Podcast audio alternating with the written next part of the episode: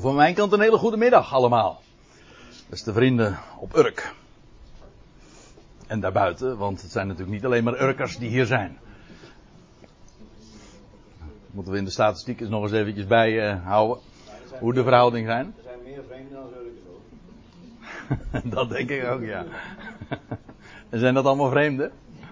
De niet-Urkers? Nou, daar hebben we het nog eens een keer over. En zoals Jan zojuist in de inleiding al even aangaf, we gaan het vanmiddag dus hebben over dit begrip. En ik beperk me, en ik heb het niet eens met Jan uh, overlegd, maar ik beperk me ook vanmiddag volledig tot het Nieuwe Testament. Waar dit woord, en ook dat is al gememoreerd, tien keer voorkomt. En u hebt misschien wel eventjes al gestaard naar het, uh, het plaatje wat u hier ziet. Wat natuurlijk alleen maar tweedimensionaal is af te beelden. Want ik kan u vertellen, als u Lego blokjes uh, pakt en neemt en daarmee gaat spelen, dan krijg je nooit zoiets in elkaar gezet. Dat gaat hem niet worden. Dat is onmogelijk. Dat zijn hele mooie plaatjes. Dat, uh, zojuist viel al even de naam van Escher. Toen klein was, toen, uh, toen haalde ik al uh, boeken van Escher uit de bibliotheek. Waar je allemaal dat, een Nederlandse graficus. Die allemaal van dit soort plaatjes maakte die onmogelijk zijn. Maar schitterend om naar te kijken, vind ik tenminste. Onmogelijk. En ik wil u vanmiddag een, bepalen bij een zevental voorkomens. Waar dat woord in het Nieuwe Testament gebruikt wordt, want die tien keer waar het zojuist over ging, uh, is niet helemaal eerlijk geteld, althans. Uh, daar zitten namelijk ook een paar parallelgedeelten in. Bijvoorbeeld als het voorkomt in Matthäus, dan staat het ook in Marcus, maar het gaat om dezelfde geschiedenis en ook in Lucas. En dat skippen we dan. Dus ik wil me vanmiddag beperken tot een, een zevental schriftplaatsen. En ik denk dat we daar zo ook onze handen al vol aan hebben. Waarbij we ons op verschillende vlakken zullen bezighouden met dat woord onmogelijk. Ja, onmogelijk voor wie? Want het is een begrip wat ja, in een bepaalde context dan gebezigd wordt, is het onmogelijk in de absolute zin van het woord. Ook dat bestaat. Daar zullen we het ons trouwens het laatst, uh, pas op het laatst mee bezighouden. Of alleen maar onmogelijk voor de mens.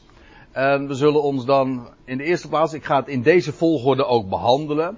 Dus niet naar de schrift, de volgorde waar het in het Nieuwe Testament gebezigd wordt, maar naar deze indeling. En dat is een, een willekeurige indeling. Het maakt verder niet zoveel uit hoe je dat dan doet. Maar onmogelijk voor de mens in Matthäus 19. We zullen ons ook bezighouden met een gedeelte, een moeilijk gedeelte in Hebreeën 6. En ook in Hebreeën 11. Dan nog iets anders. Wat onmogelijk is voor de wet. Romeinen 8 wordt dat daarover gesproken, maar ook in Hebreeën 10. En dan nog één schriftplaats waarbij heel uitdrukkelijk gezegd wordt dat niets onmogelijk is. Dat wil zeggen bij Gods uitspraak, Gods woord, bij Gods verklaring. In Lucas 1. En tenslotte zullen we naar, opnieuw naar Hebreeën 6 gaan, maar dan naar het laatste gedeelte van dat hoofdstuk. En dat is inderdaad een.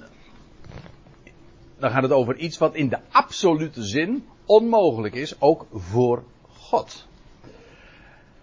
Nou, dat is de wijze waarop we dat vanmiddag dus zullen bespreken. En we gaan ons nu eerst maar eens een keertje wenden tot Matthäus 19 en X.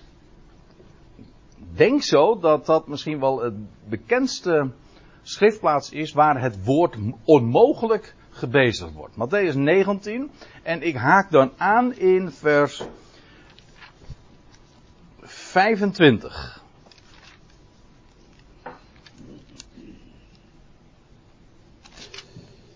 Momentje. Ja, dat gaat over de rijke jongeling. En inderdaad, die geschiedenis vinden we ook in Marcus en in, in Lucas. En u weet het, die jongeling die kwam bij Jezus. En die dacht dat hij op grond van de wet van alles gedaan had. En dat zegt hij ook.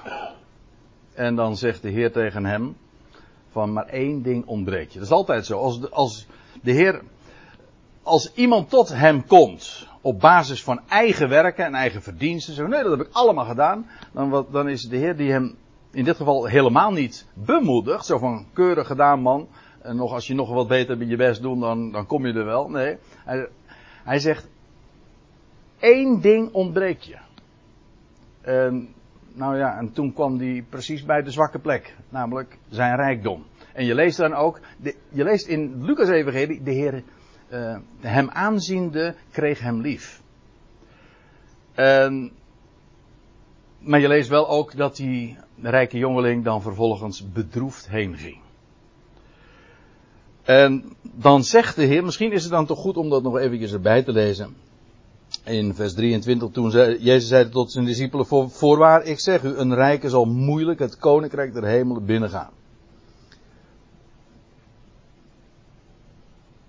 Lees ik nu goed? Ja. Wederom zeg ik u, het is gemakkelijker dat een kameel gaat door het oog van een naald, dan dat een rijke het koninkrijk binnengaat. Het koninkrijk gods binnengaat. En daar gaat het uiteraard ook, dat is nu niet zozeer het onderwerp, maar dan gaat het ook over dat koninkrijk dat hier op aarde gevestigd zal worden, waar Israël zo'n grote rol in zal spelen. Ja, in die toekomende eeuw, hè, die toekomende aion. Maar rijken zullen daar zeer moeilijk in komen. Dat is wat de Heer feitelijk uh, gewoon ook heel duidelijk zegt.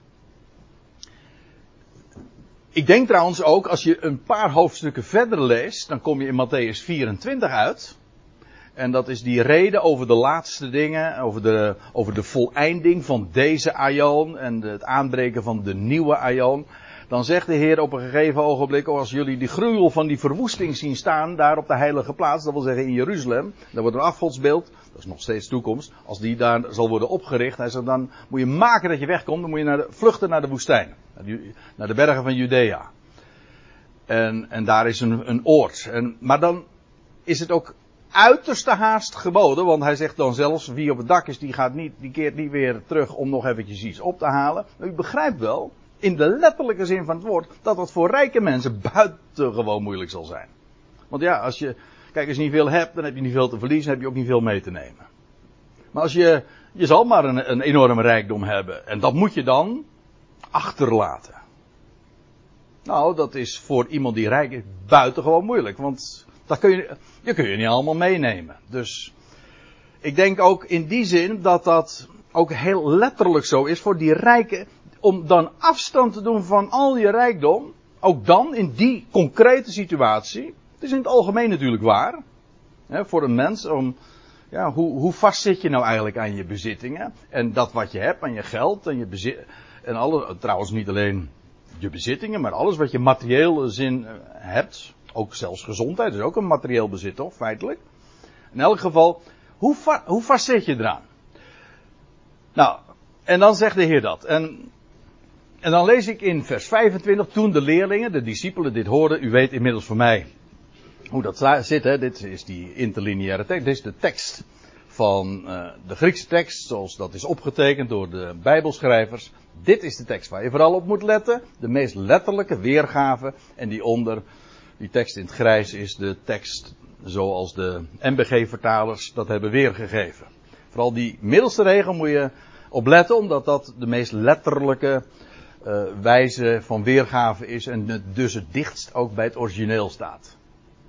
En deze vertaling die u hier ziet, dat is vooral gebaseerd op deze interlineair. Soms wat stroef dus. Het zij, uh, ik hoop dat u mij dat vergeeft, maar gewoon om dicht uh, onze oor te leggen bij, bij het origineel, zoals dat is opges opgeschreven ooit door de schrijvers. Toen de leerlingen, de discipelen, dit hoorden, stonden ze enorm versteld. Hè? Van, het is wat we zojuist hebben gelezen over die rijken. Zeggende, wie kan dan gered worden? En dan is het Jezus, die zegt, hen aankijkend echter, zei Jezus tot hen, bij mensen is dit onmogelijk. Heb je het? Onmogelijk. Maar bij God echter zijn alle dingen mogelijk. Is de eerste keer dat dat eh, woord in het Nieuwe Testament gebezigd wordt. En dan wordt meteen al die tegenstelling gemaakt van ja, onmogelijk. Ja, dat is in het algemeen een, een menselijke uh, beperking. Dat wil zeggen, we praten over dat wat niet in het vermogen van de mens ligt om dat te realiseren. Dat geldt trouwens voor redding in het algemeen hoor. Kijk, het gaat hier natuurlijk over dat het binnengaan in het koninkrijk der hemelen en het binnengaan in het koninkrijk gods. Dat is die, dat koninkrijk dat hier op aarde gevestigd zal worden. Wel, ook dat is een gave gods. Als je dat, als dat geloof je ten deel valt, als je dat mag zien, als je daar mag binnengaan. Maar voor redding in het algemeen. Ja, ik bedoel, als een mens zijn uh, ogen sluit, definitief hier op aarde, en hij sterft. Ja, waar, dan ben je, als het gaat om het beërven van het leven en voor opstanding, volledig afhankelijk van, van God. Die alleen in staat is om de doden weer levend te maken. Toch? Dus ja, dan zijn we volledig overgeleverd aan, aan, aan, aan het vermogen van God. Maar we hebben een levende God, wat niet alleen maar betekent dat Hij leeft, maar Hij, hij maakt levend. Hij maakt de doden levend. Dat is eigenlijk de essentie van het geloof altijd al geweest. Abraham was de, van Abraham lees je dat al. Hè? Abraham geloofde in de God die de doden levend maakt en het niet zijnde tot aanzijn roept. En die al tegen Abraham, tegen Abraham zei van jij gaat Abraham heten, vader van vele volkeren. En jarenlang heeft die man Abraham geheten, terwijl er nog helemaal geen, nageslacht was. Ja? Hij was nog niks, maar God riep het, het niet zijnde bij name en als tot aanzijn. Afijn, bij mensen is dit onmogelijk. Dat gaat voor redding in het algemeen. Maar bij God zijn alle dingen mogelijk. En laat ik u dit vertellen. Als het gaat over redding. Dan is er inderdaad niets onmogelijk. God heeft een geweldig plan. Uiteindelijk voor heel zijn schepping. En in steeds wijdere kringen. Ik hou altijd van dat beeld van, die, van een steen die je in de vijver gooit. Sowieso. De steen de, de steen, dan denk ik aan de Heer Jezus Christus. Ja, maar om hem heen komen steeds wijdere cirkels. Ja, en dat is precies ook het heilsplan van God, dat steeds zich wijder uitstrekt. Ja, en dan stel je de vraag, maar ja, wie kan dan wie kan gered worden? Ja, nou ja, als het er nou helemaal op aankomt, is dit bij mensen onmogelijk. Maar bij God echter zijn alle dingen mogelijk. Dat is een mooie tegenstelling de ene kant de menselijke, het menselijk plafond. En daar, daar waar de mens eindigt, daar begint God. Dan gaan we naar Hebreeën 6. En ik zei al eventjes bij de opsomming dat Hebreeën 6 een heel moeilijk schriftpassage is. Dat wil zeggen, uh, zo wordt het algemeen aangeduid. Een van de moeilijkste teksten. Maar goed, daar wordt ook over onmogelijk gesproken. Dus ik vind dat we eerlijk moeten wezen. En dat dan ook in deze opsomming erbij moeten betrekken. Dus u bent al even gewaarschuwd. Nou laat ik dan eerst eventjes dit zeggen. Dat de Hebreeënbrief, en dat zal toch geen verrassing zijn, is geschreven aan Hebreeën. Dat wil zeggen aan Israëlieten, mensen, Hebreeuws sprekende mensen. En eh, op het, terwijl de stad en de tempel en de hele Joodse eredienst op het punt stond te verdwijnen. Ook de hele stad en de tempel zouden in vlammen opgaan. Vlak voor de verwoesting van Jeruzalem worden ze aangeschreven. Ook om, te, om, uh, om buiten de legerplaats te gaan, Jeruzalem te verlaten. En u moet zich realiseren, er was inmiddels al een hele generatie geweest van Joodse gelovigen vergis u niet, hè, in het boek Handelingen weten we dat ook. Dat er tienduizenden, het wordt in de, de moderne vertaling meestal wegvertaald en dan zeggen ze duizenden. Nee, er staat myriaden. Tienduizenden. Tienduizenden mensen die allemaal, dat waren dus, in onze taal zouden we dan zeggen, Messias beleidende Joden. Joden die geloofden dat Jezus de Messias was. Er waren er vele, maar die hebben dat ook allemaal zo meegemaakt. Die eerste jaren van enorme wondertekenen. En er zijn er velen toen ook door die boodschap, door die prediking, tot geloof in de Messias gekomen. Maar het tij is gekeerd. Het, het volk heeft uh, de boodschap afgewezen, officieel ook. Jeruzalem, de, de, de leidslieden hebben de boodschap afgewezen. Het koninkrijk uh, dat in die dagen zo nabij verwacht werd, dat ging niet door. Dat wil zeggen, het, het koninkrijk werd niet gevestigd in Jeruzalem. Nou, u begrijpt, er heeft een enorme teleurstelling is uh, zich meester gaan maken daar onder dat volk. Ook onder die Messias beleidende Joden. En er ook een enorme afval, want het kwam er ook nog eens een keertje vanwege een enorme verdrukking van de, van de Joodse leidslieden. En die Messias beleidende Joden, die kwamen onder enorme druk te staan om hun geloof in Jezus de Messias af te zweren. Dat is een lange inleiding, maar dat kun je allemaal zo uh, lezen in de Hebreeënbrief, als je de hele achtergrond daarbij betrekt. Dat zeg ik er even bij, anders begrijp je dit namelijk niet. Ze moesten, ze stonden onder zodanige druk dat ze de zoon van God moesten eh, verwerpen en moesten lasteren. En, en het geloof in hem als Messias afzweren. En er waren er ook velen die dat daadwerkelijk ook deden. Er zijn meerdere boeken in de Bijbel. De, het, nou, boeken, brieven. De tweede Petrusbrief gaat erover. De Judasbrief gaat ook over datzelfde fenomeen. En diezelfde doelgroep van besnijdenisgelovigen.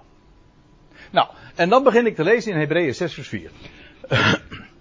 Want het is onmogelijk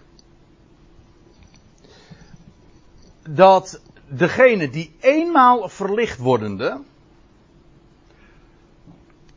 proevende bovendien van het geschenk, het ophemelse.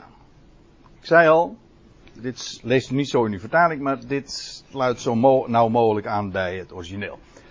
Dus ze zijn, ze zijn verlicht. Ze hebben geweten, ze hebben het licht gekregen, ook van het woord van God en van wie de Messias is. Uh, ze, hebben ze hebben geproefd het geschenk van boven, hè, het, het ophemelse, dat van, van wat uh, vanuit de hemel ook kwam. En ze zijn deelgenoten of partners geworden van Heilige Geest. Het werkterrein van Gods Geest was daar, de Geest was actief en zij hebben dat gezien en zij hebben daaraan deel gehad. Al was het maar bijvoorbeeld door, nou laat ik dan maar even doorlezen, uh, in vers 5 uh, het voortreffelijke proevende van Gods uitspraak. Dat wil zeggen, het woord van God hebben ze geproefd en ook het, hoe voortreffelijk dat was. Het gaat eigenlijk allemaal over de boodschap van het nieuwe verbond en dat de apostelen daar in Jeruzalem hebben gepredikt met zoveel kracht. Met zo'n demonstratie van krachten, tekenen en wonderen. Daarom, vanwege die enorme kracht, hebben zich ook velen bekeerd tot die boodschap. Maar voor velen is het ook uh, schijn geweest. Toch. Het heeft niet. Het, men is vooral ook onder de indruk geweest van, ja, de, van, van, van de wondertekenen, dat wat ze zagen, zonder dat ze. En ze hebben er wel eens misschien waar van geproefd van het woord van God, maar ze hebben het niet werkelijk gegeten. Dat is een groot verschil, hè? Ze, hebben, ze zijn partners geworden van de Heilige Geest, maar dat wil nog niet zeggen dat ze verzegeld zijn met Gods Geest. Dat zijn subtiele verschillen. Ze hebben het voortreffelijke geproef van Gods uitspraak. Dat wat God dus spreekt. Krachten bovendien van de, van de aanstaande Aion. Ja, daar hebben we hem. Dat is een van de uitdrukkingen die nog wel eens een keer gebezigd wordt in, het, in de in de Hebreeënbrief. De komende Aion, het komende aardrijk, uh, de toekomende stad. Ik vergeet er nog eentje. Ik ben even niet. Nou ja, maakt even niet uit. Maar in ieder geval, uh, hier is sprake over die aanstaande Aion. Op, opmerkelijk, ze hebben krachten geproefd van de aanstaande Aion. Van de Aion die gaat komen. Want als dat wat zij toen al hebben meegemaakt in die generatie van het handelingentijdperk van, van krachten, tekenen en wonderen, van genezingen, maar uh, vele andere uh, wonderen en tekenen ook, hebben ze allemaal gezien. Nee, dat was, dat was geen, geen kinderspel, dat was ook geen nep zoals je dat vandaag in de, in de charismatische wereld uh, zoveel tegenkomt. Neem me niet kwalijk, maar dat is nu eenmaal zo. ja, ik ben daar nogal bout in. dat is nep. Maar dat was echt dus, hè echte wonderen en tekenen. Maar die, eigenlijk die tekenen die zij toen geproefd hebben, dat waren eigenlijk tekenen die horen bij de toekomende eon. Ja, dan zal het uh, heel normaal zijn dat zulke dingen gebeuren van genezing en, en trouwens nog veel meer dingen. Nou, zij hebben daar toen al van geproefd. De krachten bovendien van de aanstaande eon. En nou zegt hij, en afvallig zijnde weer te vernieuwen tot, uh, uh, tot bezinning. Nou moet ik eventjes de hele zin lezen. Want ja, dat heb je dan. Als je dan in uh, zinsdeel voor zinsdeel leest, dan ben je eventjes misschien het hele verband even kwijt. Het is onmogelijk, degene die eenmaal verlicht wordende, proevende bovendien van het geschenk, het ophemelse, en partners geworden zijn van Heilige Geest. En het voortreffelijke proevende van Gods uitspraak, krachten bovendien van de aanstaande aion. En afvallig zijnde weer te vernieuwen tot bezinning. Dat is onmogelijk, zegt de schrijver. Ik ga er even gemakshalve vanuit dat dat Paulus is geweest. Paulus zegt, het is onmogelijk om hen weer te vernieuwen tot, ja, tot bezinning, hè, tot metanoia, tot omdenken. Tot bekering staat in de meeste vertalingen dan.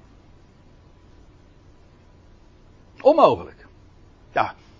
Uh, voor God? Nee, natuurlijk niet. Voor een mens. Kijk, het is eigenlijk ook heel logisch. Als je hierover uh, logisch over nadenkt, dan zeg je ja, natuurlijk is dat onmogelijk voor een mens. Iemand die het allemaal gezien heeft. gezien heeft, de wondertekenen. En de Heilige Geest zo actief heeft zien opereren. Dat allemaal met eigen ogen heeft aanschouwd. Iemand die het woord van God gehoord heeft. De, van de Messias. En daar nu zo duidelijk afstand van neemt. Ja, want dat staat er namelijk nog bij. Daar zij opnieuw de zoon van God voor zichzelf nu kruisigen en openlijk te schande maken. Door hem nu alsnog te gaan verwerpen, kruisigen ze, hem eigenlijk opnieuw. Dat wil zeggen, dat wat het volk ooit deed, een generatie eerder, doen ze nu voor zichzelf. Ze bevestigen, door, de, door hem nu te verwerpen, bevestigen ze eigenlijk precies dat het juist is geweest wat het Joodse volk ooit met de Messias gedaan heeft. Namelijk door hem aan het kruis te nagelen. Zij doen namelijk nu exact hetzelfde. En ze maken hem openlijk te schande. Nou, wat moet je zulke mensen nou nog vertellen? Dat Jezus de Messias is? Dat hoeven ze niet te vertellen, want dat wisten ze al lang. Maar dat hebben ze juist verworpen. Dus dat is ze zijn feitelijk niet meer te benaderen. Kijk, en dan is de vraag feitelijk niet eens interessant in dit geval ook of dat werkelijke gelovigen zijn. Kijk, in het algemeen is het zo, de Heer weet wie de zijnen zijn. Het is wel zo, iemand die dit doet, dat lijkt me toch een duidelijke zaak, die stelt zich in de praktijk op als een ongelovige. Dat lijkt me nogal duidelijk. Trouwens, en dat geldt eigenlijk nu ook. Iemand die het evangelie kende, dat gehoord heeft, en dat vervolgens verwerpt, en daar niks van, meer van moet hebben, ja, dat is onmogelijk om hen, voor de mensen? Het is onmogelijk voor de mensen om hen nog te op, uh, opnieuw uh, te vernieuwen tot bezinning. Dat is onmogelijk. Want je, want datgene wat je ze vertelt, dat, wist, dat wisten ze al, maar dat hebben ze juist verworpen. Kijk, het zijn geen onwetenden. Ze, ze waren donders goed van op de hoogte van hoe het zit. En ze hebben dat, ze hebben dat zo duidelijk gezien. En nu waren, waren inmiddels trouwens de tijden van de wondertekenen ook al verdwenen. Dat zie je ook in de Hebreeënbrief. Er wordt over in, in de verleden tijd ook gesproken. Een paar hoofdstukken eerder. Het is inmiddels, inmiddels was dat voorbij. Dus ja, uh, dat, ook dat was een frustratie. Dat, het waren allemaal de tijden van weleer. Het, het koninkrijk zou aanbreken. Uh, ze zagen wonderen en tekenen. En nu. Het koninkrijk eh, kreeg geen gestalte in Jeruzalem. Jezus was niet teruggekeerd. En uh, waar, waar, waar, wat is er gebleven van al die wondertekenen? Het was allemaal weggeëpt. En nou, nou ging het helemaal om, om, om, om horen en geloven. En, en er viel niks meer te zien. Nou, dat is een frustratie. Wat moet je naar de mens gesproken hen nog vertellen? Nou, dat is onmogelijk. Nogmaals, naar de mens gesproken. En daar gaat het hier ook over. Goed. Dat was de tweede schriftplaats. U begrijpt dat als we zeven schriftplaatsen langs gaan, dan kan ik uh, natuurlijk uh, niet uitgebreid uh, ingaan op, op, zo'n, op zoiets. Want ik begrijp ook wel dat met dat lezen van zo'n gedeelte als uit Hebreeën 6, wat we nou zojuist hebben gedaan, dat daar natuurlijk wel, dat kan me voorstellen als ik dat zo vertel, dat, dat dat weer andere vragen oproept. Nou, die parkeren we allemaal even, want we gaan weer naar de derde onmogelijk. Hebreeën 11. Nu. En dan gaan we naar vers 6. Er staat zomaar, eh, nadat er inmiddels al een aantal getuigen zijn opgevoerd van gelovigen, geloofsgetuigen, geloofshelden, staat er geloof ik hè, in de, de galerij der geloofshelden. Zo wordt dat dan plechtig genoemd, Hebreeën 11. En van Abel wordt al gesproken, over Henoch wordt gesproken, over Noach wordt gesproken. En dan staat er zo in vers 6, maar zonder geloof is het onmogelijk welgevallig te zijn. Ja, de, de vertalers hebben erbij gezet hem welgevallig te zijn. En dat lijkt mij ook inderdaad de strekking. Maar zo staat het er eigenlijk. Maar zonder geloof. Moet u goed uh, zich realiseren. Geloof is dus geen godsdienstigheid. Sterker nog, meestal is godsdienstigheid een blijk van ongeloof.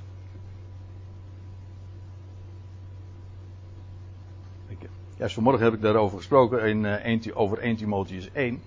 Dan lees je dat, uh, van, dat als Paulus dan terugkijkt op zijn verleden.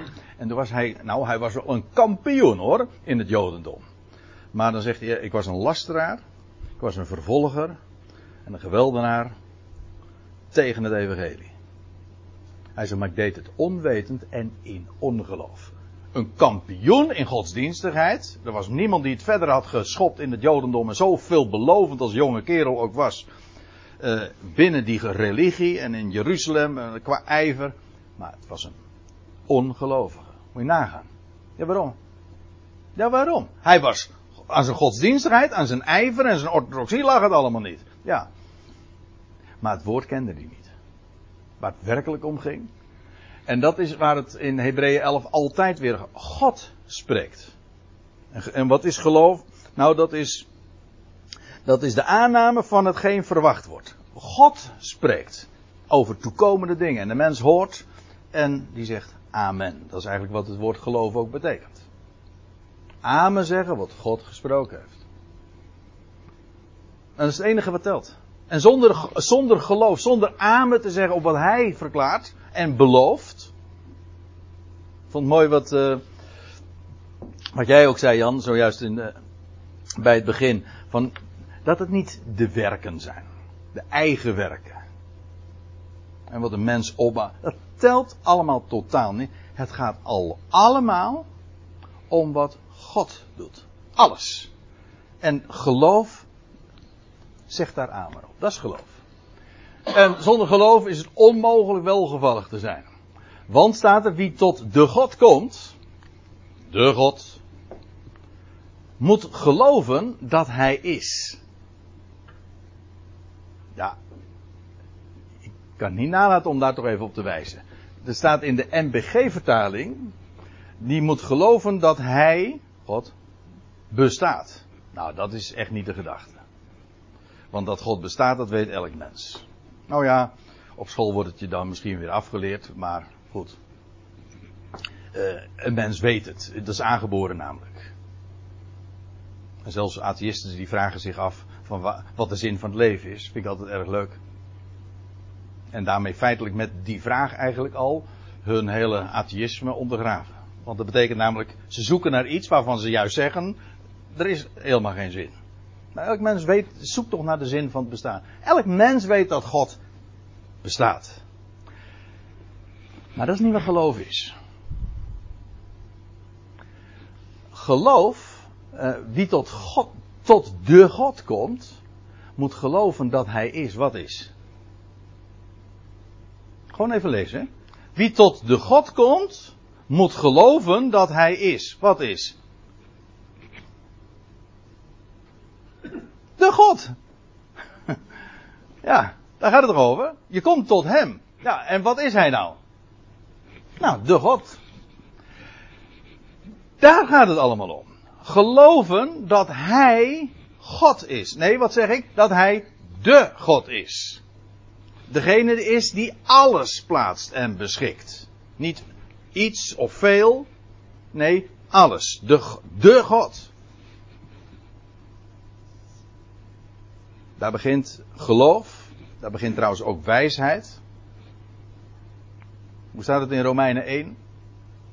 Dat omdat zij God niet als God hebben verheerlijkt en gedankt, is het, zijn hun redeneringen, gaat het over de redeneringen van de mens, zijn hun redeneringen op niets uitgelopen, verijdeld. En is het duister geworden in hun onverstandig hart. Hier gaat het over geloof. Dan kom je tot de God. En, die, en degene die gelooft, die weet, hij, hij is. Ja, wat? De God. En bovendien, ja, als je, dat, als je dan tot hem komt, dan zul je ondervinden dat hij een beloner wordt voor wie hem zoeken. De God. Dan, dan laat hij zich niet onbetuigd. Dan krijg je wat te zien hoor, en wat te horen. Nou, ik bedoel niet te zien met de ogen, maar dan geeft hij je dingen te verstaan. Namelijk gaat de schrift open. Dan gaat hij, gaat hij de rijkdom allemaal uitstallen. Dat, en dan ga je ineens beseffen ja, wat je allemaal ten deel valt. Dat is de rijkdom die hij geeft. Hm? Als je tot de God komt. En al het andere telt niet. Als je wel gevolg van God wil zijn. Trouwens, dat geldt al van, van, van Abraham. Ik noemde zijn naam al eerder. Abraham was een rechtvaardige voor God. Ja, waarom? Staat erbij. God belooft hem. God, hij deed helemaal niks. Abraham deed helemaal niks. God zegt zo, eh, terwijl hij naar de sterrenhemel gaat. Zo zal jouw nageslacht zijn. En, al. en Abraham zegt amen.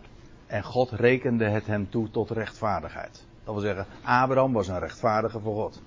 Een welgevallige. Hij stond in de rechte verhouding tot God. Waarom? Hij had amen gezegd op wat God sprak. Wat naar de mens gesproken absoluut niet kon.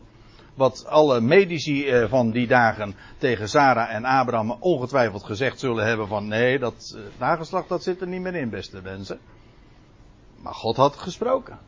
En God bleek ook inderdaad een beloner te zijn. Ja, van degene die, die gelooft dat Hij de God is. We gaan naar de volgende schriftplaats. Romeinen 8. Ja, trouwens, over moeilijke schriftplaats gesproken. Het is niet zozeer een moeilijke schriftplaats als wel een wat moeilijke zin. En ik wil me even beperken om me niet helemaal in, uh, hierin uh, te verliezen tot, dat derde, tot het eerste gedeelte van het derde vers. Ik zoek het voor het gemak eventjes ook op. In mijn eigen bijbeltje.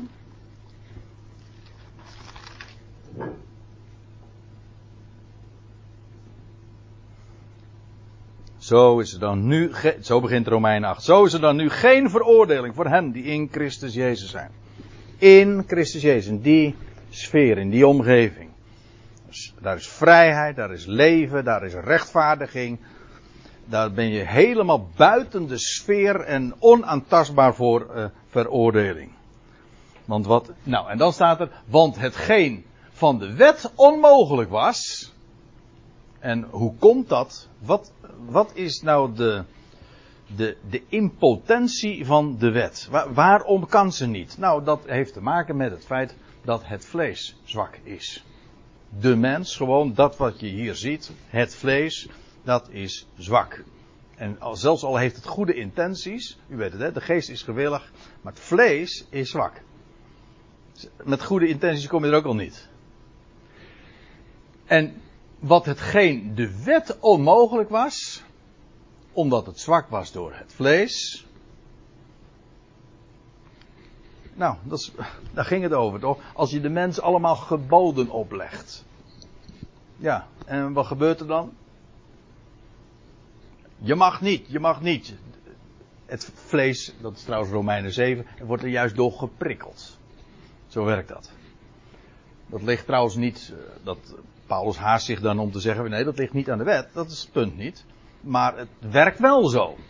Hetgeen van de wet onmogelijk was, omdat het zwak was door het vlees. De God, staat er dan weer. De God, ziet u? Zendende de zoon van hemzelf. Kijk, en dat, dat uh, verandert nou het hele verhaal.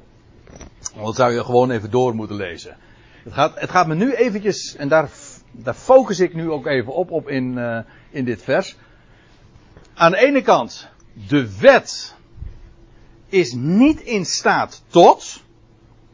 Die stelt weliswaar allemaal eisen aan de mens. Maar de mens is niet in staat om die eisen te realiseren.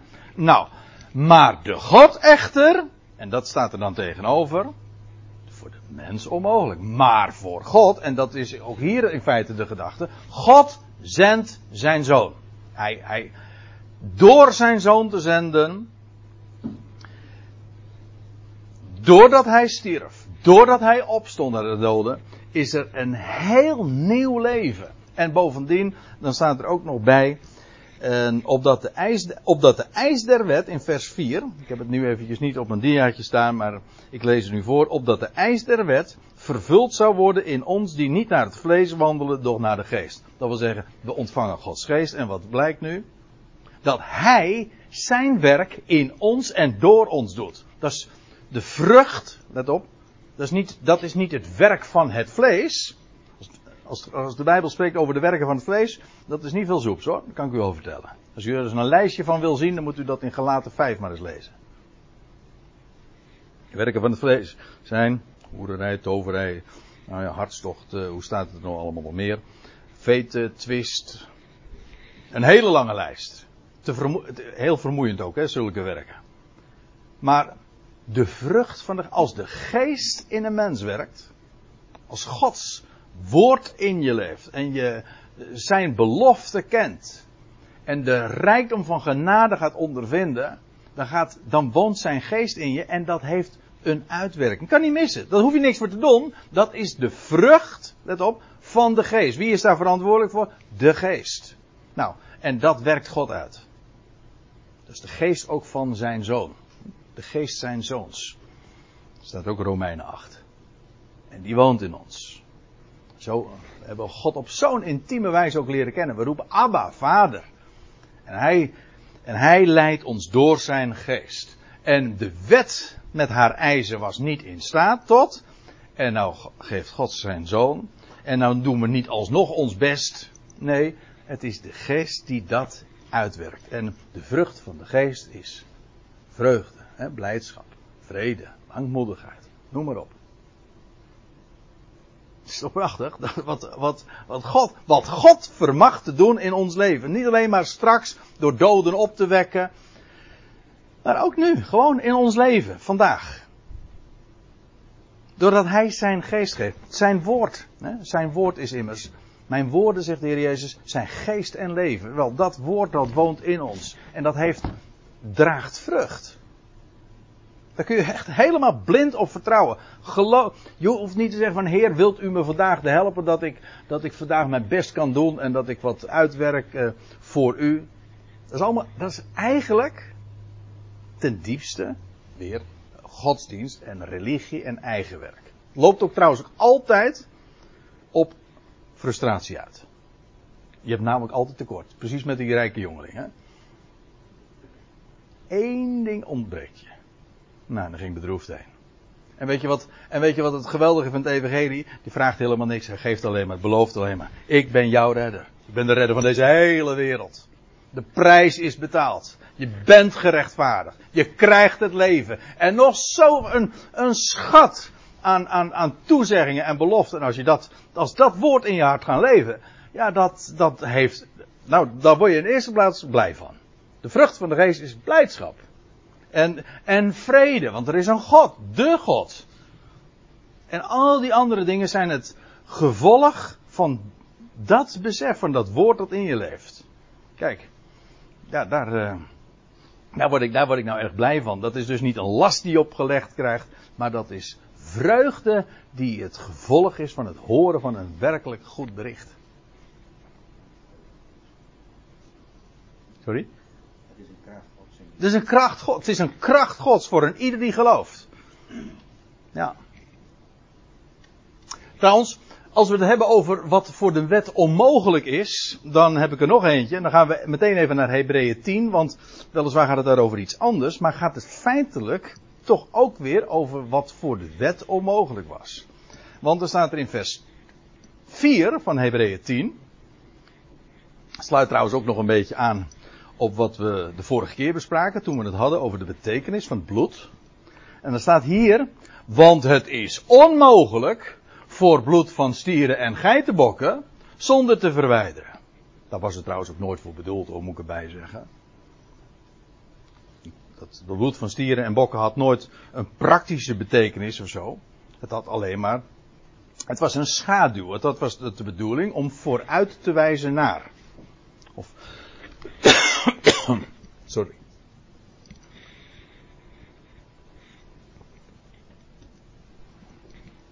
Het zat er niet in de bloed van stier en bokken. Het ging om de, om de, de typologie, om de, om de lessen die daarin liggen besloten. Het verwijst naar dat altaar. Nou ja, we hebben het de vorige keer over gehad.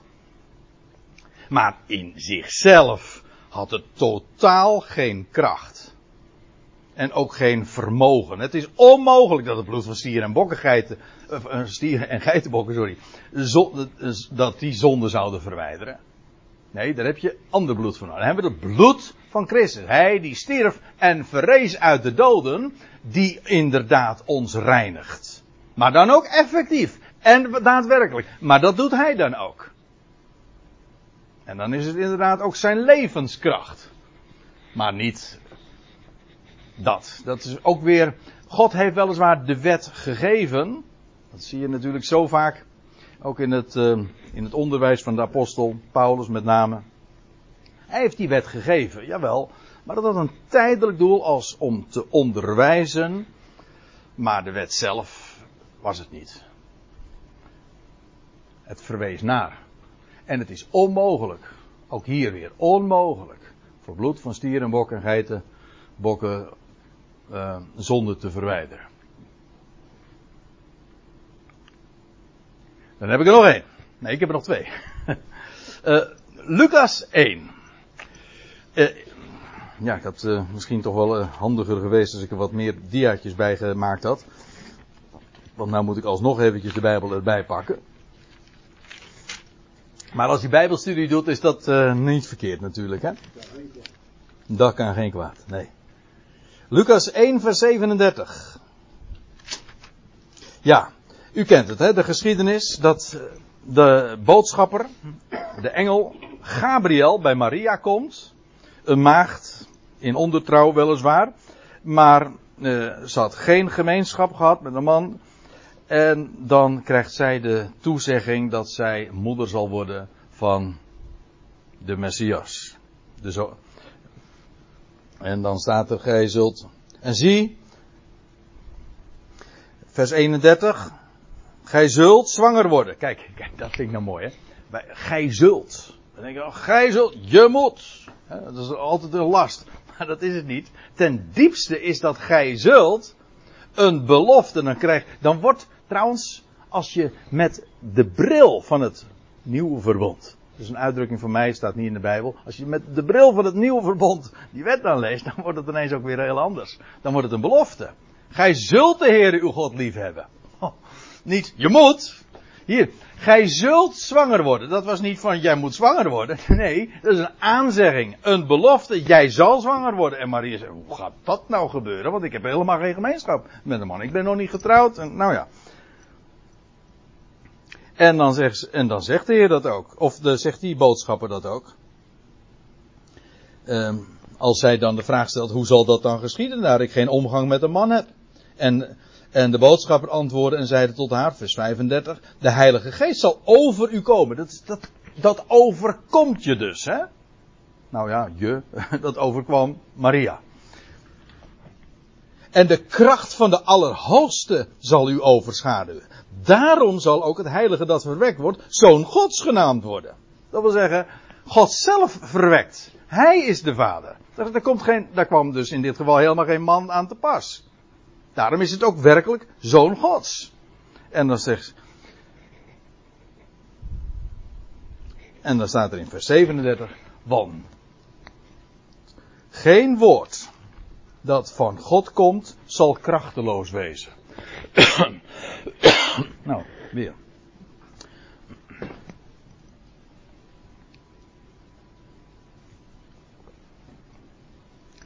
Uh, maar dat, u zegt, ja, hier staat in de vertaling krachteloos. In de Statenvertaling trouwens ook? Onmogelijk? Oké, ja, dat is namelijk het woord wat hier gebruikt uh, wordt. Want niets zal onmogelijk zijn bij elke uitspraak van de God. Dat wil zeggen, dat klinkt wat krom Nederlands. Maar als de God spreekt, dan is niets onmogelijk. Hier klinken eigenlijk ook wel, toch wel, ook weer de woorden door die we ook al in het boek Genesis tegenkomen en horen. Zal, dat is trouwens ook in verband met de geschiedenis van Abraham en Sarah. Zal voor de mijn nou, ik hoop niet dat het beroerde wordt, maar. Hè? Ja. Uh, dat, dat dan de woorden klinken, zal voor de Heer, zal voor Yahweh iets te wonderlijk zijn. Als Hij spreekt, dan gebeurt dat. En niets wat Hij spreekt is onmogelijk. Geweldig toch? Het woord van God. Ja. Als hij, als hij, dat, hij zegt dat dat gaat gebeuren, dan gebeurt dat. En dat, dat dat buiten de sfeer van onze uh, vermogens ligt. En dat wij dat niet kunnen. Ja, dat is. Uh, nou ja, ik weet niet eens of het pech is. ik, vind, ik vind het helemaal geen pech. als, hij, als hij het kan, dan vind, ik het, vind ik het mooi genoeg. Dan vind ik het veel mooier nog. Hij is bij machten. En, dan ga, en, dan, en het allermooiste daarvan is, dan gaat de mens ook precies de goede kant op kijken. De kant namelijk waar die geacht wordt ook op te kijken. Namelijk naar boven. Niet naar zichzelf, ook niet naar de anderen, maar naar hem. Niets zal onmogelijk zijn bij elke uitspraak van de God. Nou, en dan komen we uiteindelijk bij Hebreeën 6 weer uit. Maar nu bij het slot van Hebreeën 6. En ook deze is al eventjes uh, heel snel genoemd. Zojuist in de inleiding door uh, Jan.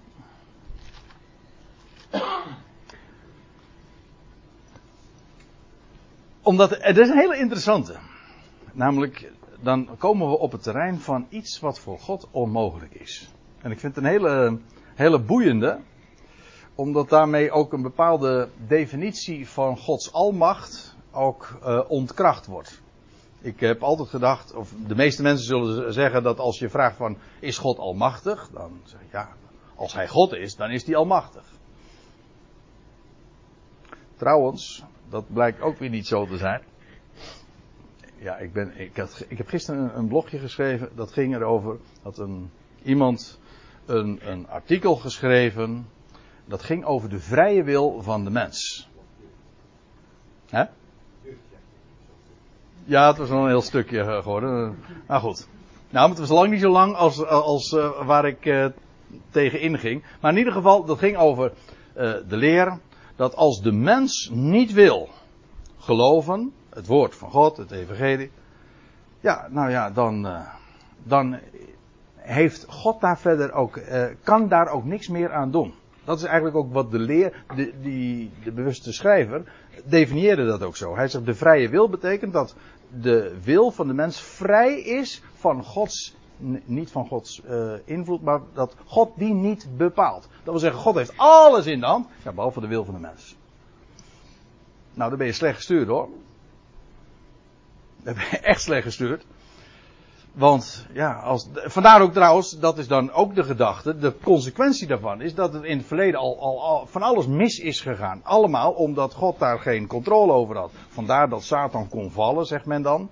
Of dat het eerste mensenpaar van de verboden vrucht. Het project mens ging eigenlijk al meteen in het paradijs uh, mislukte. Ja, waarom? Ja, de mens, God kon daar ook niks aan doen. God, eh, de mens heeft een vrije wil. Ik vind dat zo'n zielig godsbeeld. Dat, sterker nog, dan heb je geen God meer. Dus dat is vrij cru wat ik nu zeg, maar het is echt zo. Denk er eens over na. Dan, dan is God niet meer degene die alles beschikt. Hij heeft niet alles onder controle. Er gebeuren dingen die hij niet gepland heeft. En wat uh, daarmee helemaal erg is, onze hele hoop, waarvan men dan zegt dat het een anker, dat blijkt dan helemaal geen anker meer te zijn. Want ja, dat kan weer fout gaan dan. Want ja, als de mens straks nog steeds een vrije wil heeft, dan kan hij weer dingen gaan doen die, uh, die niet in het programma stonden. Ziet u, alles komt op losse schroeven te staan. God kan wel willen dat alle mensen gered worden, maar als de mens het niet wil, ja, dan gebeurt het niet, sorry. Nou, wie is er dan God? Wie is dan God? Eigenlijk hebben we dan hey, hebben we miljoenen goden, en de God is eigenlijk gewoon gedegradeerd tot een godje. Eigenlijk nog minder dan de mens, want als de mens, God iets wil en de mens wil het niet, dan gebeurt het niet. Nou, wie is er dan groter? Ja. Maar, goed, eventjes terug naar de, dat Hebreeën 6. Uh, dat de definitie van Gods almacht, dan zegt men, ja, uh, Gods almacht betekent dat God alle dingen kan. Nou, dat is voor het, uh, voor op de zonderschool misschien een aardige. Maar als je even kritisch erover doordenkt, is dat ook niet waar. En in Hebreeën 6 komen we inderdaad een expliciete statement, een uitspraak tegen, waar ook echt staat dat voor God iets onmogelijk is. Laten we het eens lezen. We beginnen bij vers 16. Want mensen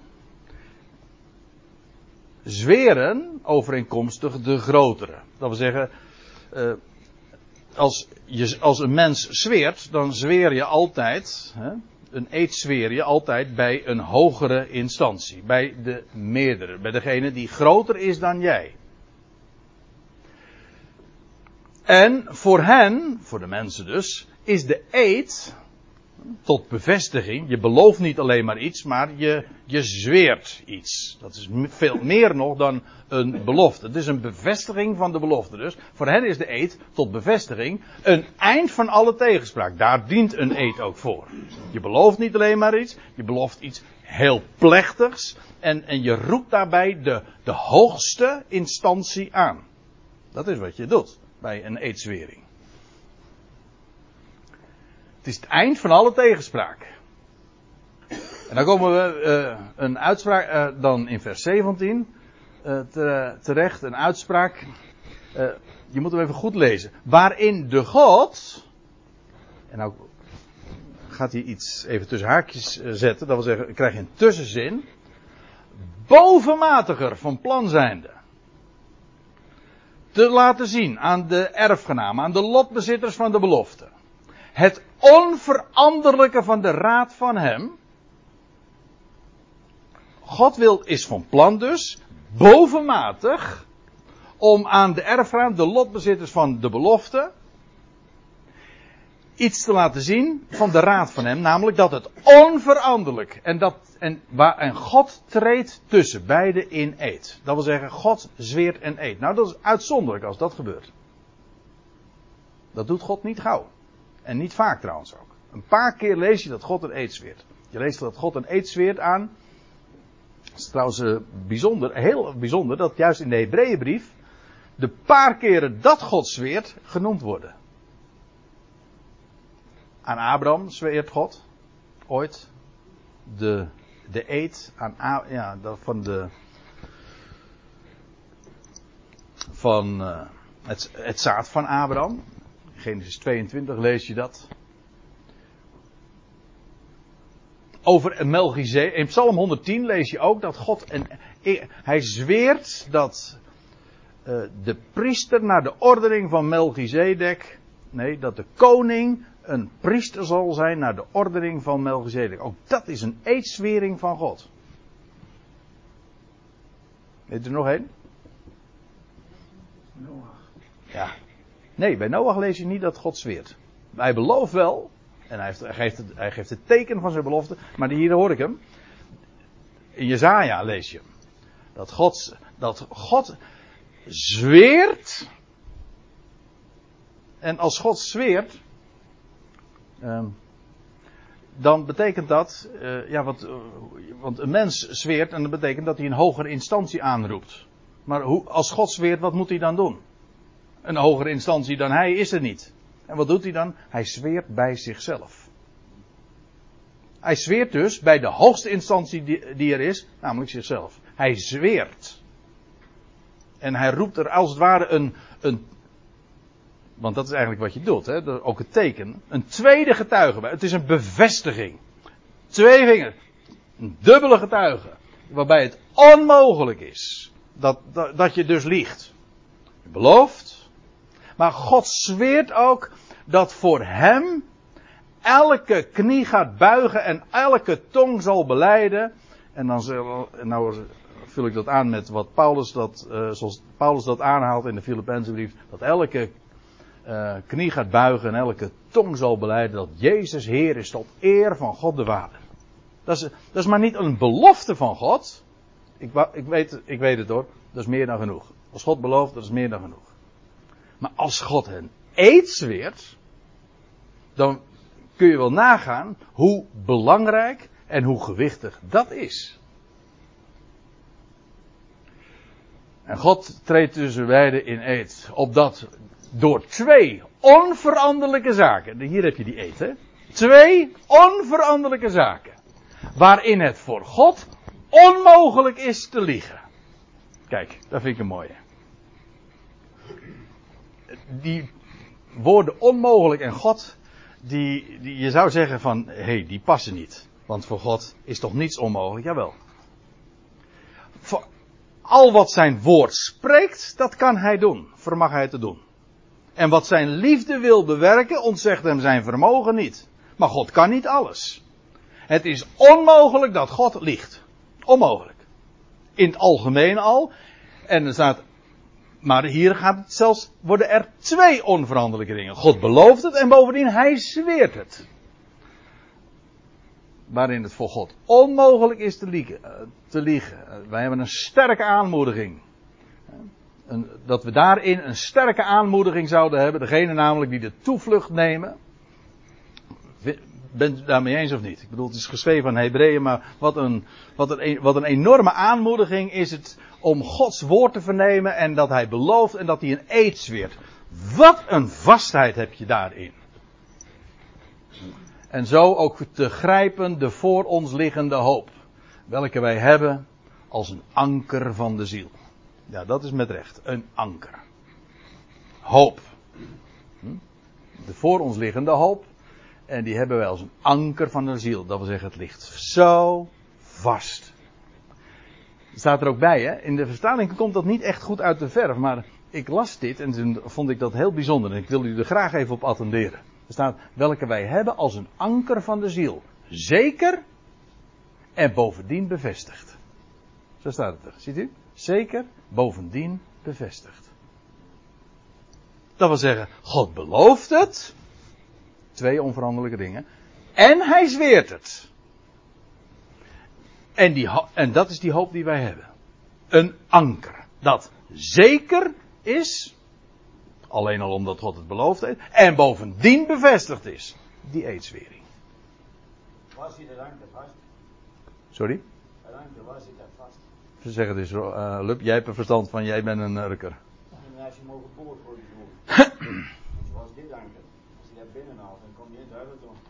Ja. Ja, je moet niet een anker in het ruim gooien, hè? Dat is wel eh, dat is grappig dat je dat nu zo uh, even naar voren brengt. Maar ik had juist onlangs nog een gesprekje over met iemand die ook de, de zekerheid probeerde te vinden in zichzelf, hè? in eigen gevoelens. En ja, je probeert, dat doe je eigenlijk iets heel doms, wat een schipper nooit zal doen, namelijk het, ik heb er verder geen verstand van, maar uh, je zal niet om vastheid te vinden het, anker in, in, het eigen, in het ruim gooien. Nee, dat is uh, belachelijk. Nee, wat doe je? je? je? zoekt het buiten je. Hè? Daar is de vastheid. En hier is het helemaal trouwens eigenaardig. Dat anker, daar waar ligt dat? uh, binnenkomen tot in het binnenst van het heiligdom. Het is daarboven. Het heiligdom, uh, het binnenste van het gordijn, van het voorhangsel, weet wel, dat is daarboven. In het, in het hemelsheiligdom. En daar is hij, waar ook een voorloper ten behoeve van ons binnenkwam. Jezus. En daar heb je hem. Naar de ordening van Melchizedek. Dat is ook een eedswering. Ik zei het toch? Ook dat is een eedswering. Hoge priester wordende tot in de aion. Daar is hij, daar is dat anker.